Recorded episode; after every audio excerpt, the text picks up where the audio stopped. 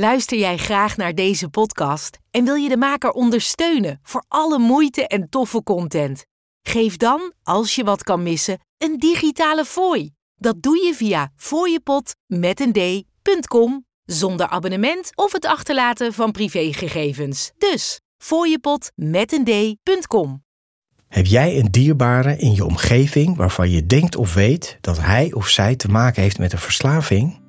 Of worstel je zelf met een verslaving? Dan ben je hier op de juiste plek.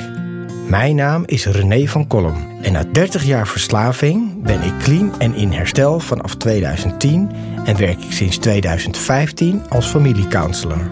Dit houdt in dat ik de mensen in de directe omgeving van iemand met een verslaving help.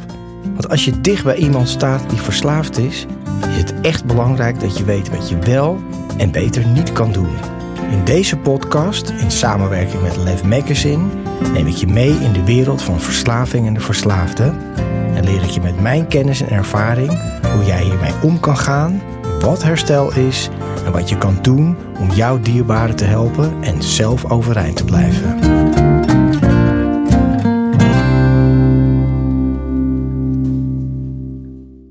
Lieve mensen, welkom bij een nieuwe aflevering van de podcastserie van verslaving naar vrijheid. Mijn naam is René van Kolm en fijn dat je kijkt en luistert. Verslaving, de wetenschappers zijn er al lang mee bezig. Wat is het nou eigenlijk? Er wordt gezegd het is een hersenziekte, er zijn genetische componenten, het zit in de familie, het is een gedragsstoornis, het zijn dingen en trauma's die gebeurd zijn uit je jeugd waarom je nu in een verslaving terecht bent gekomen. En dat is zeker ook allemaal waar. Het is onderzocht dat iemand met een verslaving, zijn of haar brein, werkt echt anders dan bij iemand die dat niet heeft. En heb ik niet over je hele brein, maar over een belangrijk deel van je brein, het overlevingssysteem, het overlevingsmechanisme. Dat gaat over functies zoals eten, slapen en drinken. En jouw verslaving, en dat maakt niet uit of dat een gedragsverslaving is, gok of gamen of middelen of alcohol, die komt precies in dat deel van je brein terecht uh, waar je overlevingsfuncties in zitten. Dus jouw brein laat jou geloven dat jouw middel of jouw gedrag zo belangrijk is, net zo belangrijk is als eten, slapen en drinken. Dus je moet het hebben. Want we kunnen niet zeggen, nou deze week hoef ik niet te eten of slapen, sla ik over de kop niet uit. Ik heb veel werk te doen. Nou, dat herken ik wel. Maar dat gaat hem dus niet worden. Je zal moeten eten, je zal moeten slapen, je zal moeten overleven. Dat zijn geen functies waar je van kan zeggen, die schakel ik uit of dat doe ik niet. Dat je moet het hebben. Nou, aan jouw brein, en dat, daarom noemen ze het een hersenziekte, uh, jouw verslaving, en ongeacht welke verslaving dat is, die komt in dat deel van jouw brein, het oudste deel van je brein, de reptiele brein, wat jou laat geloven, wat jou laat voelen, wat je laat ervaren. Ik moet dit doen, ik moet dat hebben, eigenlijk om een soort van te overleven is waar onderzocht. Ik herken het ook als ik vroeger geen drugs, ik had geen doop, ik had geen dingen. Ik moest het hebben, want er was onrust, er was spanning en er was gedoe en ik moest en ik zou het hebben. Nou, super herkenbaar. En voor mensen die verslaving hebben, ook maar voor de families en voor de naasten, die kennen dit schouwspel heel veel en van heel dichtbij en misschien wel dagelijks. Hè. Degene is onrustig, jaagt en doet totdat hij zijn middel of zijn gedrag kan doen. En dat gaat eigenlijk de hele dag zo door. Ik weet nog, ik had vroeger helemaal geen tijd om te werken. Een baantje, daar heb ik toch helemaal geen tijd voor. Ik moet gebruiken en gebruiken. Uh, en een verslaving kost heel veel tijd. En je moet een soort logistiek manager bijna zijn. Wil je het allemaal kunnen bijhouden? Hoe kom ik aan geld? Uh, wie moet ik allemaal manipuleren en beliegen en bedriegen om mijn zin te krijgen? Uh, welke gelegenheden? Want ik was bijvoorbeeld echt een alleengebruiker in gezelschappen met andere mensen. Ik moet er niet aan denken. Ik zat lekker, gezellig, geïsoleerd, liefst met de gordijnen en de luxeflex dicht. Uh, in mijn kamertje, computer aangebruiken en weg van de hele wereld, weg van alles en weg van mijn gevoel. Ja, dit soort acties vereist planning. Je moet geld hebben, je moet gelegenheid hebben, je moet tijd hebben, je moet alleen zijn. Niemand moet vooral mijn kop zeuren. Ik moet geen verplichting hebben, ik moet vrij spel hebben om lekker te kunnen doen wat ik wil. En dat is namelijk gebruiken of gokken of gamen. Vul het allemaal maar in. Dus ja, oké, die hersenziekte of die hersenafwijking, die is er wel. En die is ook blijvend. Hè. En ze hebben ook onderzocht, nog even een zijstap naar het hersengebeuren. En hey, neem me niet uh, al te letterlijk, want ik weet deze informatie, maar ik ben natuurlijk geen neurochirurg of een hersenspecialist, maar ik weet er genoeg van. Het is zeker echt iets in je brein. En dat is ook blijvend. Dus die, die kwetsbaarheid, die gevoeligheid in jouw brein, die blijft. Dus ik ben nu al 12,5 jaar helemaal clean en in herstel, al wat langer zelfs. Uh, maar ik weet, als ik één jointje neem, gaat dat hele circus in mijn brein weer aan. Dat deel van mijn brein wordt als het ware opnieuw geactiveerd, waar die verslaving die grote rol speelt. Die is nu lekker in slaap, zeg maar, in een, in winterslaap. En daar houden we hem ook. Maar één jointje, één pilletje, één dingetje en hij is wakker. En het hele feest gaat weer beginnen. Als het alleen maar een hersenziekte zou zijn, dan zou je toch zeggen: ja, maar na een kliniek of een behandeling is dat hele systeem toch tot rust gekomen. Dan zit daar rust in, dan wordt er niet meer geprikkeld, er is niks meer ingegaan, niks meer ingegooid. Een probleem opgelost? Nou, ik dacht het niet. Want er zijn nog veel meer dingen aan de hand. Want de onrust die er weer plaatsvindt, de prikkels, geïrriteerdheid, verantwoording nemen, werken, uh, andere mensen onder ogen zien, uh, mezelf openstellen voor anderen. Het gaat niet over mij, maar het gaat over wat kan ik voor anderen betekenen. Oh, wow, wacht even, wat gaan we nou krijgen? Daar ging het toch niet over. Het is toch gewoon een hersenziekte, het is toch geen gedrag? Nou, dan gaan we al een beetje richting gedrag. Dus ik zeg, ja, het is een hersenziekte, maar het is vooral, hè, en ik had Daan Denik hier, een topkerel, die weet er echt veel van. En die zei ook, ja, verslaving is 30% middelen en 70% gedrag. En misschien is het wel 20% middelen of hè, gedrag. Uh, dan bedoel ik gok of gamen. En de rest, die 70 of 80%, is gedrag. En wat is dan het gedrag? Onrust. Hè, gedrag en gevoelens. Onrust, angst, onzekerheid, laag zelfbeeld, dingen die inderdaad in je jeugd zijn gebeurd, dingen die je lastig vindt, maar vooral ook heel erg weer, en dan kom ik weer bij mijn stukje uit, de ziekte van ikken. Ik vind het leven moeilijk. Mijn ouders waren er niet voor mij en daarom ben ik in de steek gelaten. Niemand begrijpt mij. Ik voel mij alleen. Ik zit niet goed in mijn vel. Ik begrijp niet veel van de wereld. Werken en zo'n baantje doen van 10, 15 euro per uur. Nou, mij niet gezien. Ik ga dat niet doen. Uh, me overgeven aan andere mensen. Iets voor andere mensen kunnen betekenen. Nou, ik dacht het niet. Het gaat altijd om ikken en iemand met een verslaving. En ik ken dit echt als geen ander van mezelf, maar ook al voordat ik een verslaving had, was dit er ook al. ik zit niet lekker in mijn vel. Ik, het is elke zin, elke gedachte, elk gevoel is eigenlijk gewoon self-centered. Het gaat altijd over mij. En de ziekte van ikke is gewoon een hele egoïstische, dwingende toestand. Waar ik ook mijn zin moet krijgen. Want ik moet mij beter voelen. Ik moet dit doen, ik wil dat doen, maar ik wil dit vooral ook niet doen. En ik wil dat vooral ook niet doen. Het moet vooral gaan op mijn manier. En dat is voor mij echt de, de diepste kern en oorzaak van verslaving. Een egoïstische, dwingende zelfobsessie waar het moet gaan zoals ik het wil. En als het niet gaat zoals ik het wil, nou, dan zal je het wel horen of merken. En de een gooit met de, uh, met de deuren en gooit uh, het servies door de kamer. En de ander gaat op zijn kamer zitten in, in afzonderlijkheid en, en zich afzonderen, isoleren. Want oh, ik ben zielig en ik voel me niet goed en ik word niet begrepen. Nou, ga zo maar door. En ik ken deze gevoelens ook. Het is niet om mensen met een verslaving af te schieten. Hey, want ik zit hier, ik zit er zelf ook. Ik weet er alles van. Ik heb het allemaal gedaan. Been there and got the t-shirts. Dus ik weet hoe het is.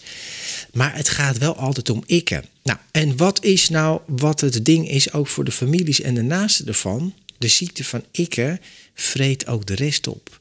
Want bij de families, en dat is mijn werk, familiecounselor, dat doe ik voor een kliniek, ik doe dat privé. Wat je ziet gebeuren is dat degene, dus de naaste, en vooral ik zie heel veel ouders, dan gaat het altijd over degene met de problemen. Dus hij of haar. De ziekte van ikke, die vreet ook de hele familie en het hele gezin op gaat altijd over diegene met het probleem. En alle aandacht hè, wordt op een vergrootglas manier ook naar diegene toegetrokken. Dus wat je gewoon ziet is dat de naaste, de familieleden of de partners ook altijd bezig zijn met Pietje of Marietje die het probleem hebben. Het gaat altijd over hun. Het is egoïstisch, het is nooit genoeg, het is nooit tevreden, er zit altijd onrust. En denk nou niet dat dat over is na een behandeling in een kliniek. Tenminste, zo was het bij mij niet. Sterker nog, als je uit een kliniek komt, dan moet het pas getransformeerd worden van ik naar wij. en dat vind ik heel mooi. Ik werk in een kliniek en daar mag ik best wel reclame voor maken. Want ik ben heel blij en trots dat ik daar werk en mag werken. Dat is Yes Weekend Clinics in Brabant. Ik werkte als familiecounselor al heel wat jaren. En een van de mooie dingen die daar gebeurt... en dat vind ik altijd heel mooi om te horen... en ook te zien wat er dan gebeurt bij de ouders... Uh, ze hebben vijf weken geen contact. Dan is er een verbindingsdag. En dan later zijn er telefoonmomenten. En dan kunnen ze met elkaar gaan bellen. Eigenlijk na weken van geen contact. En een van de eerste dingen die die jongeren vaak tegen hun ouders zeggen. En ook dus leren en meekrijgen vanuit de kliniek. Is hoe gaat het met jou? Dan vragen ze aan die ouders. Hoe is het met jouw pap of man? Nou, die ouders vallen nog net niet helemaal van hun stoel af. Want dat hebben ze nog nooit gehoord. Hoe gaat het met jou? Nee, het ging altijd over hoe gaat het met hun. Nou, en deze dingen, deze veranderingen, hoe gaat het met jou? Wat kan ik voor jou doen? Eh, wat heb jij nodig? Dat is eigenlijk wat herstel is. Dat, dat ik loslaten en kijken wat de ander nodig heeft. Wat de behoeftes van de ander zijn. En je ikkie wegcijferen. Dat ikkie moet eigenlijk toch wel met de grond gelijk gemaakt worden. Nou, gelukkig kunnen ze dat op verschillende plekken heel goed. En als het niet in de behandeling gebeurt, dan gebeurt het door het leven zelf wel. Of door de verslaving uiteindelijk die jou kapot maakt. En dat is ook eigenlijk wat je ziet als iemand zijn rock bottom raakt. Dat is een andere term voor dat hij zoveel last ervan heeft, zoveel lijdenslast van zijn verslaving ervaart. Soms gebeurt dat nooit, dan gaan mensen er ook helaas aan dood. Maar gelukkig bij een aantal mensen gebeurt dat ook en steeds meer ook wel. Dat ze op dat punt komen van ik wil me niet meer zo voelen. Dan is dat ikkie eigenlijk helemaal kapot gedraaid. En dat moet vaak gebeuren, wil iemand tot verandering kunnen komen. Zich willen overgeven aan behandeling. Herstel is inderdaad het, de andere kant op. Hè. Vragen hoe gaat het met jou? Wat kan ik voor jou betekenen? Wat heb jij nodig? En jezelf wegcijferen. Het is een lang proces. Ik ben er zelf ook al jaren mee bezig. En dat is ook niet zo makkelijk, want in mijn leven ging het ook altijd over mij. 30 jaar in de verslaving ging het alleen maar over mij. Ik voel me niet goed. Ik ben doopziek. Ik, moet spullen hebben. Ik ga naar een kliniek. Ik moet afknikken. Elk dingetje was ik. Hoe mijn moeder zich voelde, nou, daar stond ik niet zoveel bij stil. Hoe mijn broer of mijn vader zich voelde, daar stond ik niet zoveel bij stil. Ja, ik wist wel dat ze het niet leuk vonden dat ze het er moeilijk over mee hadden, maar dat drukte ik zo snel mogelijk weg. Mijn moeder ging kapot aan mijn verslaving. Nou, interesseerde mij dat nou echt op het moment dat ik in mijn verslaving zat? Ja, maar ook nee, want ik ging er toch mee door. Dus ik voelde dat verdriet wel en ik heb die herinnering weer opgeslagen. Maar de ziekte van ik was sterker. Ik ging gewoon door. En dat is precies wat het is, mensen. Er is maar één remedie en die ikke moet een kopje kleiner worden gemaakt. En hoe doe je dat? Als familie en naast heb je een hele grote rol in. Ik zeg het elke podcast weer opnieuw. Stoppen met faciliteren, stoppen met instand houden, confronteren in liefde, want je moet altijd in liefde blijven. Want onder die ziekte van ikke zit heel veel pijn en verdriet bij degene die een verslaving heeft. Altijd angst, onzekerheid, noem het allemaal op.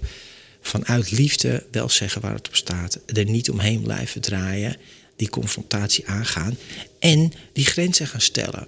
Want als je ermee doorgaat en je laat het gaan, dan vreet de ziekte van ikke jullie allemaal op. En dan blijft er niks over van het hele gezin en de hele familie. Of van je relatie. Mensen, neem dit mee, deze boodschap. Ik hoop dat jullie deze video liken. Ik hoop dat je het wilt delen met anderen. En abonneer je op dit kanaal als je nog veel meer wil weten over herstelverslaving en waar het echt over gaat. De ziekte van ik hoorde iemand een tijd geleden zeggen: herstel is eigenlijk een reis van ik naar wij, naar ons, naar liefde, naar begrip en het wegcijferen van mij, ik en egoïsme. En dat is pas echt herstel. Het is niet alleen stoppen met middelen en gedrag. Nee, het is van ik naar wij. Nou, en voor mij dan naar jullie toe. Heel veel kracht, heel veel liefde, heel veel lichte positiviteit. Geef het vooral niet op. En laat je niet klein maken en niet gek maken door die gekke ikken. De ziekte van verslaving, de ziekte van ikken. Dank jullie wel voor het kijken en luisteren naar deze aflevering van Verslaving naar Vrijheid. Mijn naam is René van Kolm. Ik hoop dat jullie de volgende aflevering weer kijken en luisteren. En laat mij weten in de commentaren onder in YouTube. Stuur mij een e-mail welke mensen jullie graag zouden willen uh, zien die ik te gast heb in, uh, in deze podcast. Of welke onderwerpen. Ik hoor heel graag van jullie welke onderwerpen, welke gasten je in deze podcast zou willen zien. Dankjewel voor het kijken. Laat me weten en tot de volgende keer. Bedankt voor het luisteren naar deze aflevering van Verslaving naar Vrijheid. Wil je mij een vraag stellen of heb je mijn hulp nodig? Neem dan contact met me op via mijn website renévancolum.nl.